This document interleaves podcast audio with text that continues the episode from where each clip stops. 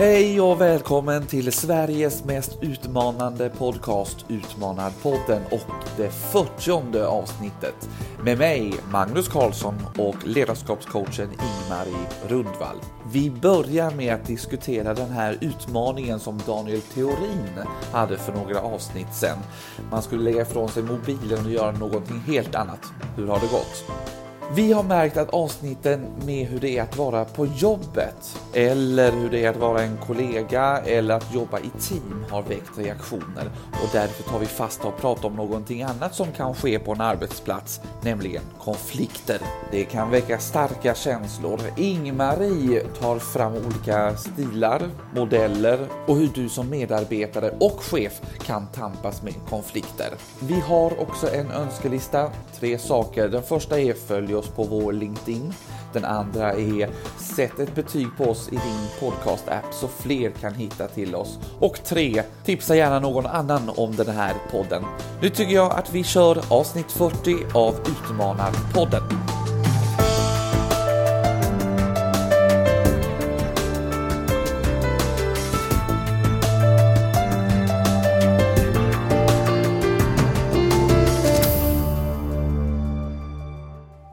Ingmarie, nu är vi här igen tillsammans eller på varsin sida av skärmen. Jag ser att du sitter med din telefon och framför, att du är framför skärmen. Men du, hur går det egentligen med den här utmaningen som vi hade för något avsnitt sedan med Daniel som gav oss utmaningen? Kommer du ihåg vad det var? Ja, jag förstår det eftersom du sitter där med din telefon och dator. Jag tänkte ju det är ju förutsättning för att vi ska klara av att spela in en podd ju. Det är ju så det går till med tekniken. Men jag förstod att du ville komma någonstans. Ja, vi hade ju ett härligt avsnitt för några tag sedan som handlade om att vi mötte ett eh, före detta proffs som funderade på den utmaningen som det innebar att, att både ha varit ett proffs men också att leva Eh, tänka som ett proffs efter man är klar med sin, yrke, eh, med sin eh, fotbollskarriär som det var i Daniel. Men han snodde ju till en liten utmaning där i slutet på det avsnittet som var att vi skulle bli, hmm, ja det vet jag inte om vi skulle bli bättre, men han utmanade oss till att fundera över hur vi använde vår telefon, lägga ifrån oss den när vi kom hem på kvällen, inte titta på den. Och så hade han ett konsekvent tänkande där ja. Mm. Ja, jag förklarade nu vad han tyckte eller vad han sa och jag uppfattade utmaningen så att jag frågade dig Magnus, hur gick det? Du vill inte svara först heller? Alltså, jag kan säga att jag har misslyckats eh, grovt med denna utmaning. Jag har försökt att lägga ifrån mig mobilen, men den, den finns ju där. Det är ju så intressant egentligen hur den här lilla eh, apparaten kan vara så tilldragande att man inte ens kan lämna ifrån sig det. Men jag försöker i alla fall att när jag tittar på någonting att inte fingra på mobilen samtidigt. Så man kan väl säga att det är en halv, en liten del av den här stora utmaningen. Eller stor och stor kanske det inte var. Men... Ja, det var ju en jättestor utmaning. Jo, den var faktiskt stor för mig också. Alltså du, det har ju inte gått så bra för mig heller. Vi får kanske kan kontakta Daniel och säga det. Det har inte gått så bra för mig heller, men jag har fått upp ögonen för att, att det är ju så mycket mycket som man gör i, via sin telefon. Så att jag kan lägga ifrån mig, tele, jag kan lägga ifrån mig telefonen om man tänker sociala medier. Det har jag inga problem med. Det kan jag lägga ifrån. Men sen när jag väl har lagt den ifrån mig så kan jag sitta runt köksbordet och så kan vi säga, men förresten vad blir det för väder imorgon? Ja just det, var är det jag kollar vädret? Det gör jag ju i telefonen. Och, och sen kan jag gå in på kontoret och så kan jag fundera på och undra om det gick iväg den här betalningen och var kollar jag banken? I telefonen. Och sen så kan jag höra om att det var någon jättenyhet som snurrar runt i hela världen och tänker jag måste bara uppdatera mig. Vad är det för nyhet som nu snurrar runt och som har hänt någonstans? Eh, ja, det kollar man ju i telefonen. Så där tycker jag har varit en utmaning. Jag kan lägga ifrån mig det som man tänker Eh, slötittandet, men man gör ju allting i telefonen. Ofta så tänker jag, om jag har sett någon dokumentär till exempel, eh, och så har de något ämne, ska vi säga, någonting om USA och dess eh, sociala reformer till exempel, säger vi.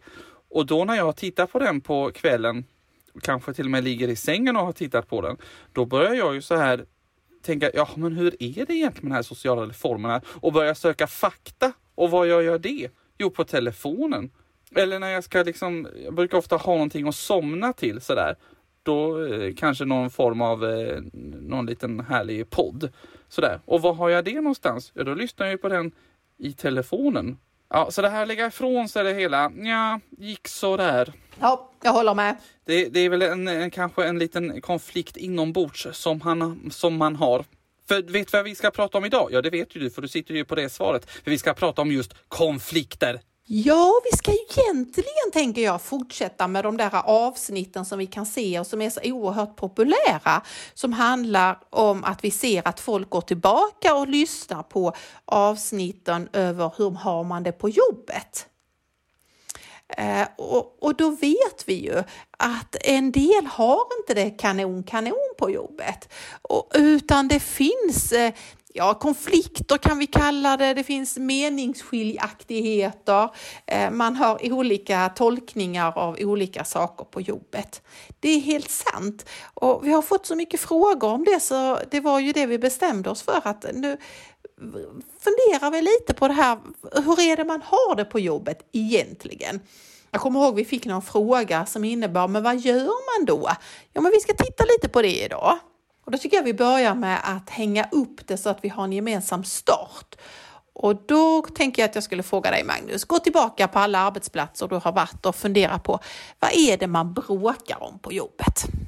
Uh, ja du, spännande. Uh, man bråkar om, uh, ja det kan ju vara, man tycker att saker ska vara på ett visst sätt och någon annan inte tycker det. Man pratar om man, om man kan lita på andra människor. Liksom respekten inom eh, arbetsgruppen eller så. Det blir ju ofta meningsskiljaktigheter hur man man tycker kanske att hur eh, organisationen bedrivs eller något liknande. Människor går i clinch på hur man eh, uppfattar vissa saker, hur man uppfattar någon annan och så vidare. Men det är ju mer kanske en känslomässig, eh, en känslomässig konflikt. Så. Eh, men det skulle jag nog säga.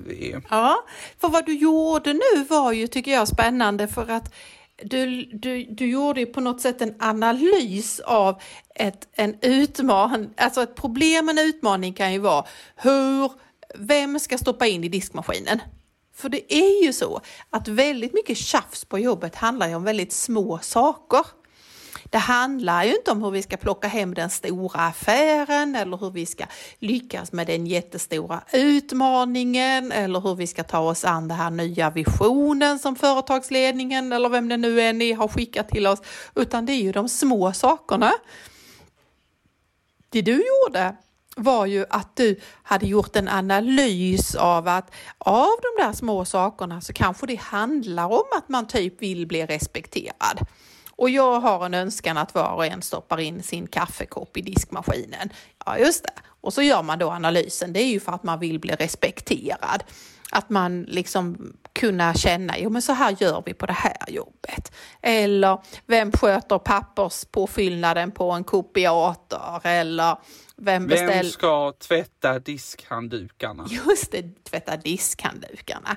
Och vad du gjorde då, eh, och så är ju jätteklokt Magnus, det är ju att ja, det handlar ju om att man ska bli respekterad på jobbet.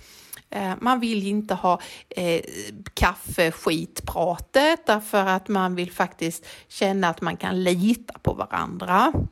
Berättar jag någonting i ett förtroende så vill jag inte att det går runt på hela jobbet om inte alla får vara med i gruppen så är det ju precis som i skolan att då ställer man ju till det så att man i alla fall bråkar sig till en plats eller en obekväm plats i gruppen för man måste på något sätt få, eh, få bli sedd.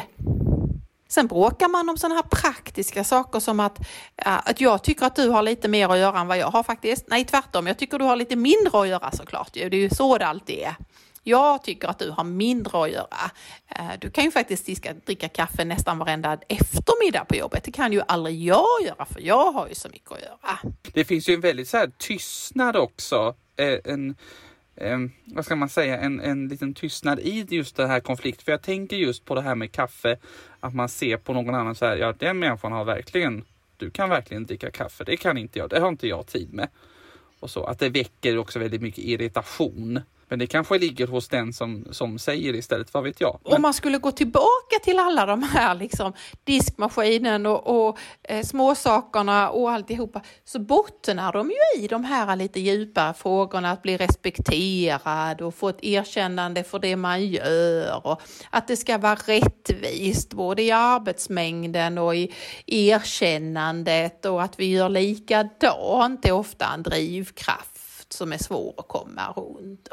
Eh, och att eh, på något sätt att, ja, att man känner en tillit till det som är på mitt jobb. Jag kan känna mig trygg där. Absolut. Jag, jag förstår vad du eh, menar. Och det har man väl varit med om på alla arbetsplatser egentligen. Alla de här små sakerna som blir eh, kan bli väldigt stora i slutändan som också blir ett problem. Precis, och, och där det är det här klassiska att när man, om, man, om man inte tar itu med det så tror man att det ska bli mindre och så är det ju precis tvärtom. Tar man inte itu med det så blir ju saker större.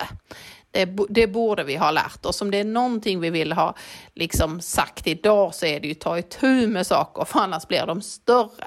Och det tänker jag att du måste ha sett ganska mycket i eftersom du har ändå jobbat som chef Alltså jag tycker mig kunna se ett mönster när jag tittar tillbaka på vad är det som händer på en arbetsplats. Så, eh, så är det väl att, att det finns tre mönster.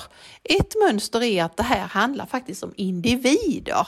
Det vill säga att det är vissa medarbetare eh, som faktiskt inte har hittat sin roll eller som inte följer det vi har bestämt eller som faktiskt inte följer den värdegrund och norm som vi har. Och då då är det ett individperspektiv och runt den individen kan det då uppstå både tjafs och bråk och konflikter. Ett annat mönster handlar ju om ehm, det som är det mellanmänskliga, det vill säga relationer, hur man ser olika på olika saker, man har samarbetssvårigheter, man kanske ofta missförstår varandra, i värsta fall så till och med misstror man varandra.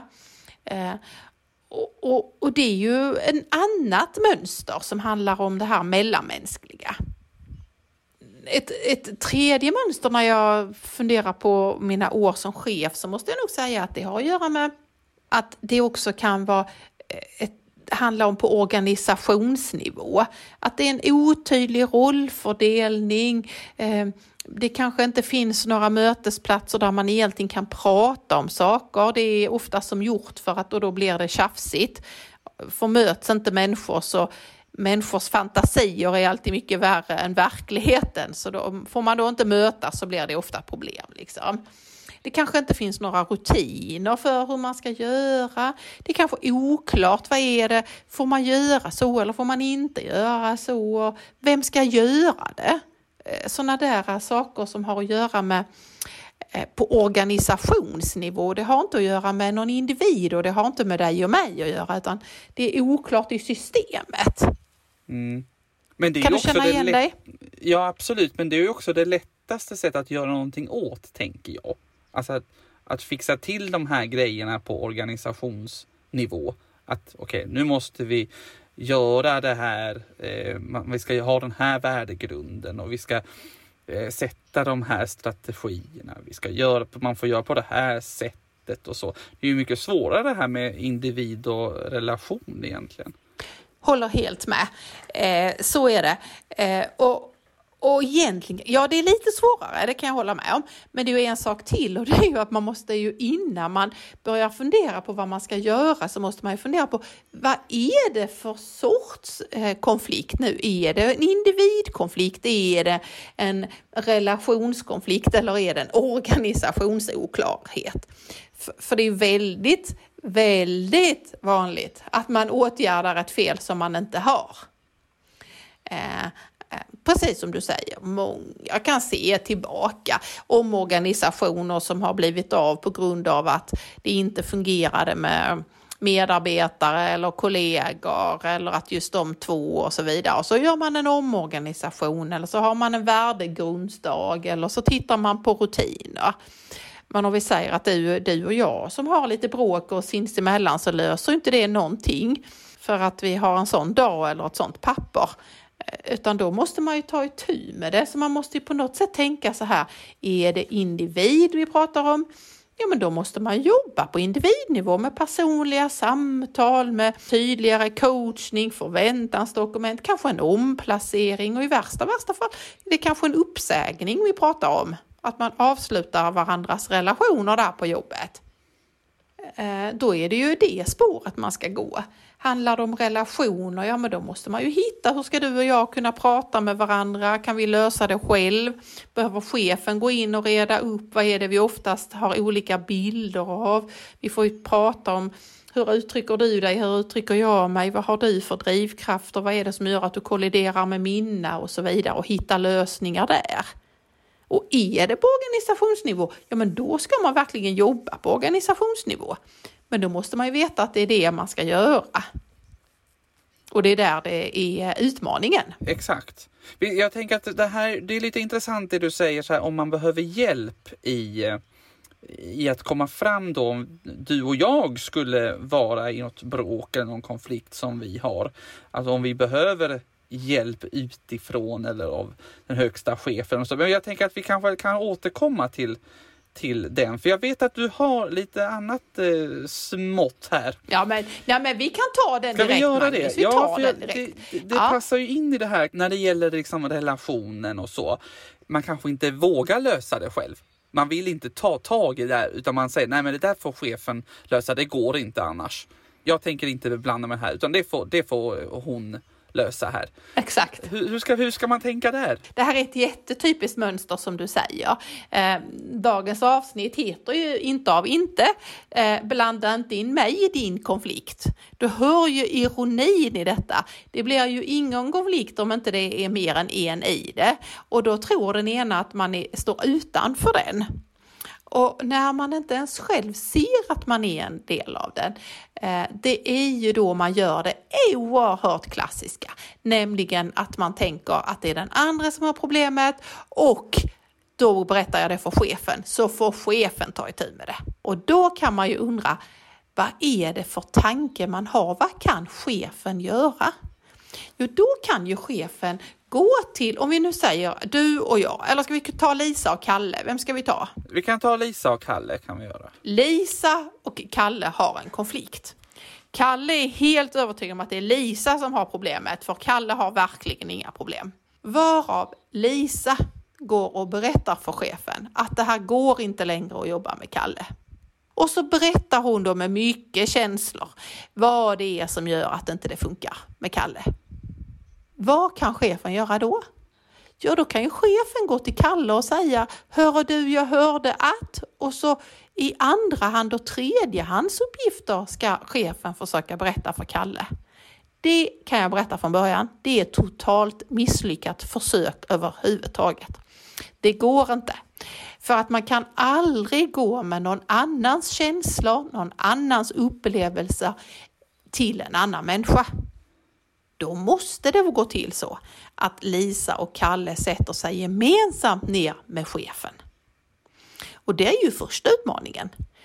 Ett, då måste ju Lisa gå med på att det inte bara gick att gå till chefen och lämna allt i knät och fort som katten springa ut genom dörren och slippa vara med om detta längre. Nej, då dras ju Lisa kvar. Lisa, du måste säga detta själv till Kalle. Du måste själv sätta ord på det så att Kalle hör det och berättar din upplevelse. Så är du med på första utmaningen att få Lisa att stanna kvar i rummet. Då ska Kalle vilja komma in i rummet och undra, nej men jag har inga problem. Det är Lisa som har problem, jag har ju inga problem ju.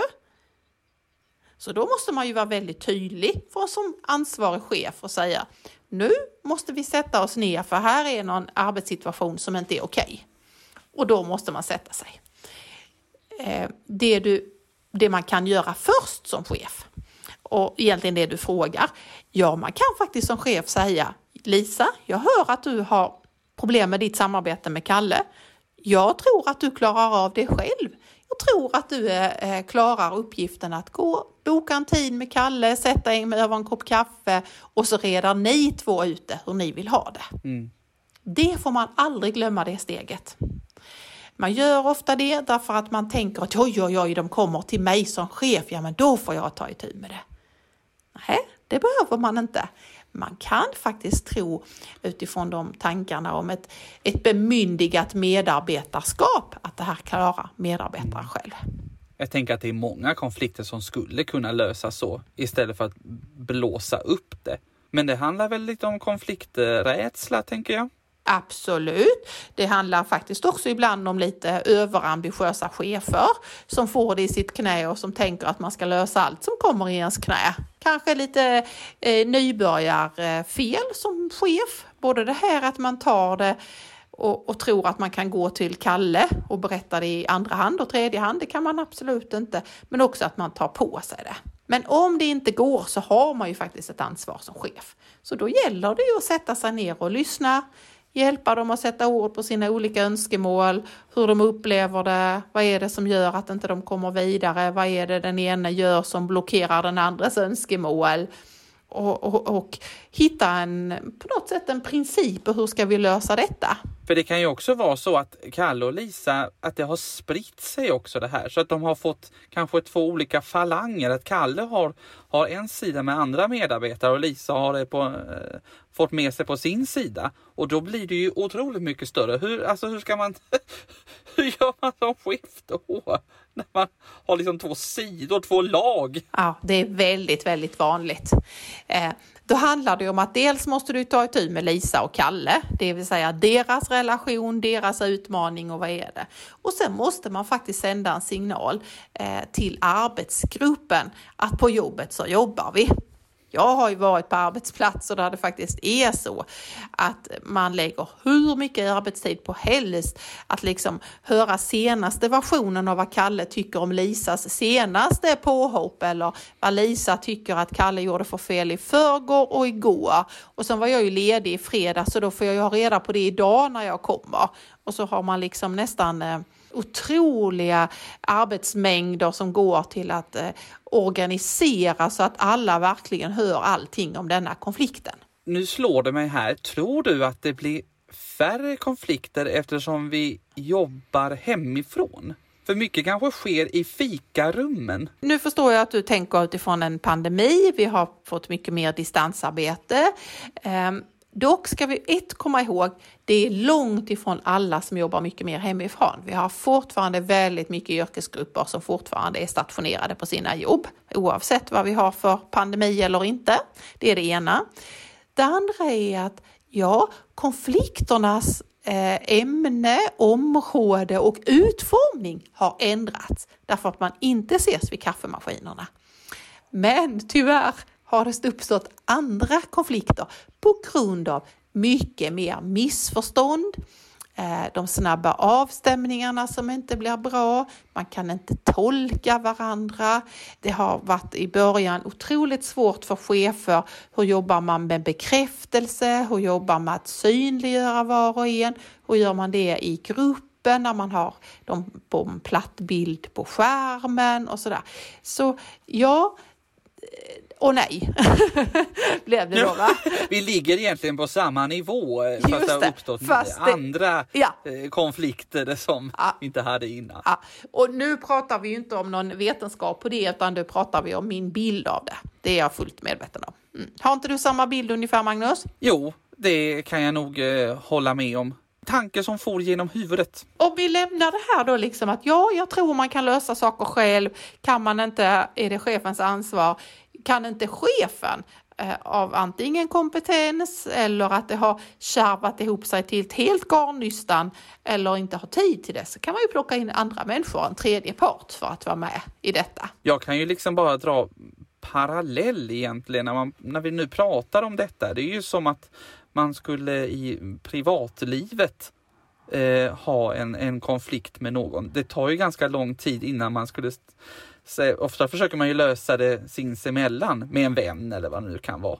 Det är ju inte så att man lägger ansvaret på någon annan. Nej, det där får någon annan lösa. Det går ju ganska långt innan man kanske måste gå i, liksom, i terapi i så fall eller något liknande. Men det är verkligen så här att det finns en, en många som lägger eh, den här konflikten, sin frustration i, i chefens knä relativt snabbt efter att man har upplevt den här frustrationen, för det är det man upplever ju, att det här funkar inte att jobba ihop med Kalle eller Lisa. Eh, ja, då kan det gå rätt så fort eh, för att man faktiskt säger att det får, den, får någon annan ta hand om. Det förstår jag. Då har vi eh, tittat lite på vad, vad eh, chefen eller någon annan om det behövs någon ny eh, part och så vidare.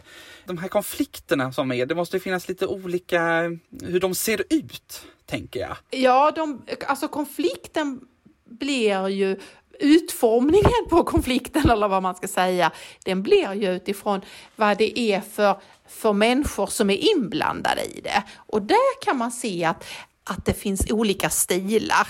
Det finns liksom olika förhållningssätt. Hur förhåller jag mig till en konflikt och, och, och hur, hur förhåller du dig och vad är ett generellt, alltså så här lite. Och då, då brukar man, jag tror jag ska räkna här högt, vänta ett tag, en, två, tre, fyra, nej fem, eh, fem eh, sådana här, eh, brukar man säga, stilar eller eh, sådär, eh, kan man vara när man funderar på hur är man i konflikten. Då. Och nu ska jag se om jag klarar av att förklara dem, för en jätteviktig ingång i detta är ju hur viktig är min egen vilja in i detta? Och det tror jag du kan känna igen. Alltså vissa saker kan man ju faktiskt släppa. För är det någon som tycker det är superviktigt att alla eh, diskade muggar ska stå till höger i skåpet eller nej, de inte, jo de var diskade, just det, mm, till höger i skåpet. Och det är jätteviktigt för någon. Och för mig är det en helt oviktig fråga. Då är det rätt lätt för mig att gå med på att tänka, ja, ja, den är okej. Men om jag har en jättevilja i någonting, det här är superviktigt och för mig är det aldrig kaffekoppar, men det kan ju vara mycket andra saker då får jag ju en annan stil. Då har jag ju en annan ingång i det än om jag liksom bara tänker att det där är inte så viktigt. En annan parameter är ju precis den andra, nämligen hur mycket är jag eh, inlyssnar jag och är jag är jag rädd för att låta den andras vilja komma igenom eller inte komma igenom. Mm. Det vill säga hur viktigt låter jag den andras vilja eh, få betyda vad jag, vilken inriktning jag tar eller vilken stil eller vilken ingång jag tar i den här konflikten. Jag ska se om jag kan förklara det, men om inte det är så, eh, så viktigt för mig, eh, då är det ju rätt så lätt att ha en undvikande eh, konfliktstil.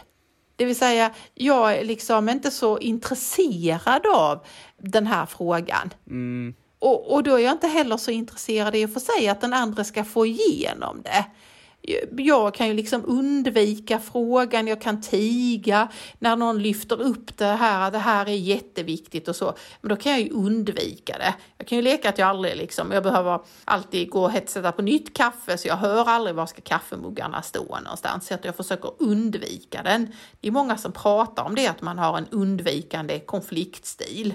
Man är inte villig att gå in i det. Och det, det kan ju ofta bero på att det inte är, frågan är så viktig för mig.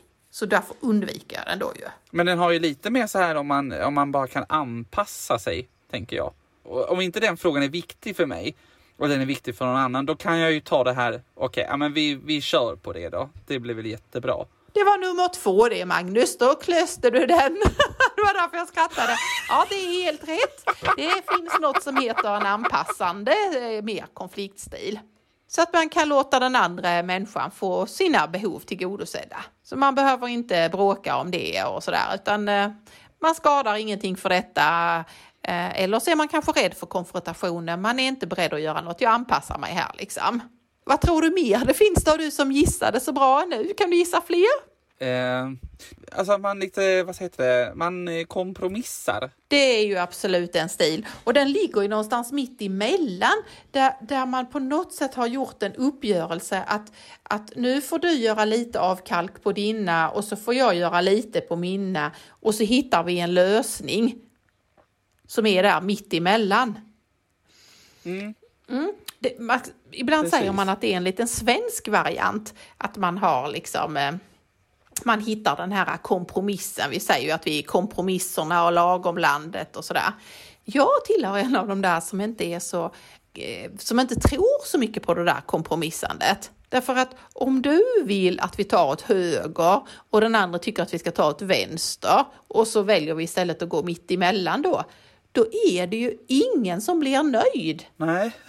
Så, så, man gör ju liksom slut på konflikten, men ingen är ju nöjd. Då är det kanske bättre att någon eh, anpassar sig, men vi tar vänster då. då. Eh, ja, eller att man ser i alla fall att om vi gör så här eh, i den här konflikten så blir det verkligen inte som någon av oss vill. Och då, då vinner ju inte någon på det nu tänker jag så här vidare, jag bara tittar liksom tillbaka på arbetsplatser jag har varit på. Alltså när någon är ska man säga, väldigt dominant då kan det ju slå clinch. Det här är ju så spännande varför att vi skulle kunna prata hur länge som helst om det för att den här eh, dominant, ja men jag vet inte om det, det är den här som är så otroligt, jag biter till och med ihop tänderna när jag berättar det. Den, den, den, är så säker på att den ska driva igenom det här utan det här är superviktigt för den här och, och den är beredd att nästan gå över lik som det man brukar säga den har kanske till och med makt så att den kan fatta sådana här beslut utan att den behöver. Eh, bryr sig inte så mycket om det, eh, går, alltså bara dunk, dunk, dunk, det här ska göras liksom. Jag kommer att göra det oavsett eh, och är inte så berörd av att andra människor inte tycker att det här var så bra utan nu är det liksom envist står jag kvar vid min ståndpunkt och nästan tröttar ut mina motståndare. Jag kommer icke ge mig. Är vi uppe i fyra? Du sa att det var fem? Ja, men det är ju de här som, som har förmågan att både liksom sätta ord och värde på det man själv tycker, men också på vad andra tycker och försöka liksom tänka eh, kreativa möjligheter till hur kan vi göra? Alltså, men det finns faktiskt en samarbetande konfliktstil brukar man kalla det. Det är ju ändå lite intressant att, att man kan ha en samarbetande konfliktstil.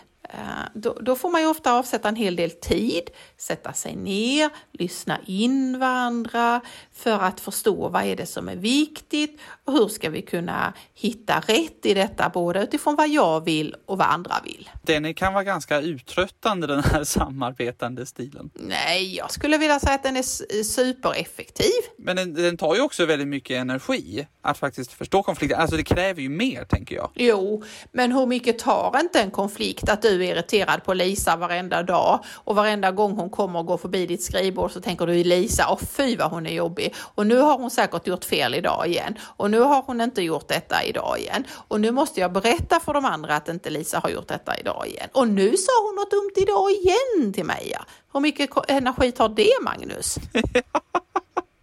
Ganska mycket, ja. Ja, så absolut är det energibesparande med att faktiskt på ett på ett moget sätt sätta sig ner och säga vi har otroligt olika ingångar du och jag. Men eh, vi har samma ansvar. Chefen har sagt att vi ska lösa detta. Vi ska ha samma klass nästa höst. Vi ska jobba med samma grupp. Vi ska tillhöra samma arbetslag. Eh, jag måste förstå vad har du för ingång i det? Hur tänker du? För ibland känner jag att vi är väldigt långt ifrån varandra. Så det man skulle kunna säga här att vi skulle ju faktiskt kunna lösa det väldigt mycket utan att blanda in någon annan i det, bara du och jag. Eller Kalle och Lisa. Ja, jag tror egentligen att man skulle behöva eh, det, det, är absolut så. Ja, var första svaret och sen börjar jag redan tänka. Jag tror att man skulle kunna ut eh, vad heter det, utrusta, utrusta medarbetare med fler verktyg på hur man faktiskt kan eh, vara en positiv del i, en, eh, i att samarbeta för att komma vidare i en konflikt. Alltså egentligen kom jag just på Magnus, för att alltså, klockan går ju alltid här. Ska vi ta ett avsnitt till om det? För jag tror faktiskt att jag skulle kunna få dela med mig lite omkring eh, vad är det för verktyg vad man kan ha? Hur kan man faktiskt eh, få lov och eh, hur kan man faktiskt komma vidare mellan Lisa och Kalle och hur kan Lisa och Kalle klara det själva? Ja, absolut. Då har vi liksom en cliffhanger här, en del två kan man säga. Ja, just det. Vi får se om vi får reaktioner på den här att man vill det. Jag tänker också att eh, den undvikande, den anpassande, det som vi pratar om nu, de här fem stycken eh, stilarna om vi säger så, kan vi också lägga ut på vår LinkedIn. Så kan man ju undra så här, jaha, är det någon som känner igen sig? Vilken stil är du egentligen? Vem är du av de här fem? Det vore lite kul. Ja, absolut. Sen är det inte så kul, men det är väldigt bra eh, om vi faktiskt... Eh, Tyckte du att jag använde fel uttryck? Att det inte är så kul att människor tjafsar, för det är rätt mycket tjafs på jobbet.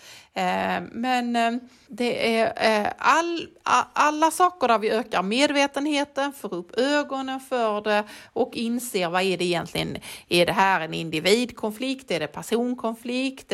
Vem är jag i den här konflikten?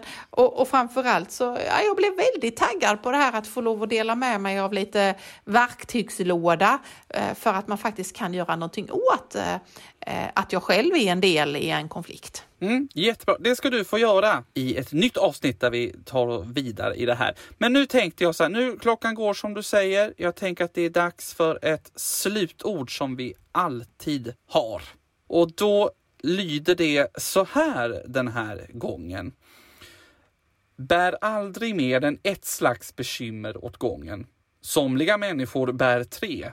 De de har haft, de de har och alla som de väntar sig att få.